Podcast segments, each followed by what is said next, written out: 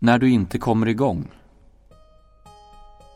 Jag antar att du valt att lyssna på det här avsnittet för att du tröttnat på att du inte kommer igång med det du har framför dig. Hur jag vet det? Ja, det är ju titeln på det här spåret, så det var en kvalificerad gissning. Det bästa med det här är att redan i och med att du valt att lyssna på det här så har du kommit igång. Det enda du behöver nu är en liten knuff i rätt riktning så är du på G sen. Kanske är du bara allmänt seg eller kanske känner du inte i form eller kanske är du bara en jäkel på att skjuta upp allt till sista minuten. På att söka genvägar eller kanske vet du inte vart du ska börja. Kanske är det rädsla som stoppar dig från att komma igång. Eller är det ovissheten om huruvida det är det här du vill? Eller är det bara tråkigt och jobbigt? Eller är det bara i den lates tillstånd helt enkelt? De goda nyheterna som sagt är att du är nära att komma igång, riktigt nära. För någon som lyssnar just nu kan det räcka med att säga nu tar du och reser dig upp och tar tag i det här. Inget snack, inga undanflykter, inget mer jag ska bara... Bara gör det. Nöj dig inte med lagom. Visa vem du egentligen är. Nu! För andra lyssnare som inte vet var man ska börja kan det vara bättre att säga Vad för liten sak skulle du kunna börja med att göra nu för att påbörja resan mot det du behöver göra? Det är ofta bättre nämligen att göra någonting än ingenting. Bättre en halvtaskig plan ibland än ingen plan. Det kan skapa en hävstångseffekt att få någon boll i rullning i alla fall. När det är dimma så får man gå två steg och då ser man ytterligare två steg och på så vis kommer man vidare. Gör någonting. Det behöver inte vara det mest briljanta du kan göra just nu, men du vet aldrig vad det i sin tur kan leda till. För en tredje person som lyssnar på det här kanske anledningen till att du inte kommer igång handlar om minsta möjliga motstånd. Ett konstruktivt självbedrägeri kan man säga, som kan vara nog så effektivt.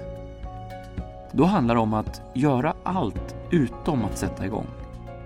Till exempel städa framför dig, eh, ställ fram allt du behöver för att kunna komma igång så att det blir minsta möjliga motstånd kvar. Är du med mig? Det fungerar oförskämt ofta det här. Tänk att du bara ska ställa fram det där eller göra i ordning det där så att du kan fixa det där sen. Innan du vet ordet av det så har du i och med de här påbörjade aktiviteterna kommit igång. Det är rörelsen som skapar känslan. Och nu är dessutom det jobbiga förarbetet, det som kanske egentligen satte käppar i hjulet för dig, undanröjt. Och då kan du lika gärna svara på det där du behöver göra, skriva det du behöver skriva, läsa det du behöver läsa eller få undan det där du behöver få gjort. Eller genom den nu packade väskan ta dig iväg dit du nu skulle. Eller kan det vara så att du behöver leta upp sätt att göra det här roligare? Jag menar, gör du det här tillsammans med andra eller om du kan få annat gjort samtidigt eller vara i en trivsammare miljö så kan det bli både enklare och roligare att komma igång. Så fundera, hur kan jag få det här gjort och samtidigt ha roligt under tiden? Det kan också vara så att du motiveras bäst av tanken på vad som händer om du fortsätter på det här viset och skjuter upp saker. Det vill säga om du aldrig kommer igång. Hur kommer det här att se ut då om ett år? Ja, sannolikt likadant som nu. Är det så här du vill ha det? Är det en sån här människa du vill att andra ska se dig som? Är det här verkligen du? Är det här den standard du har satt upp för dig själv? Nej, jag trodde inte det. Låt det få tillhöra ditt förflutna i så fall. Nu är det nuet och framåt som gäller och det finns alltid tid för förändring så länge du inte väntar längre utan kommer igång nu.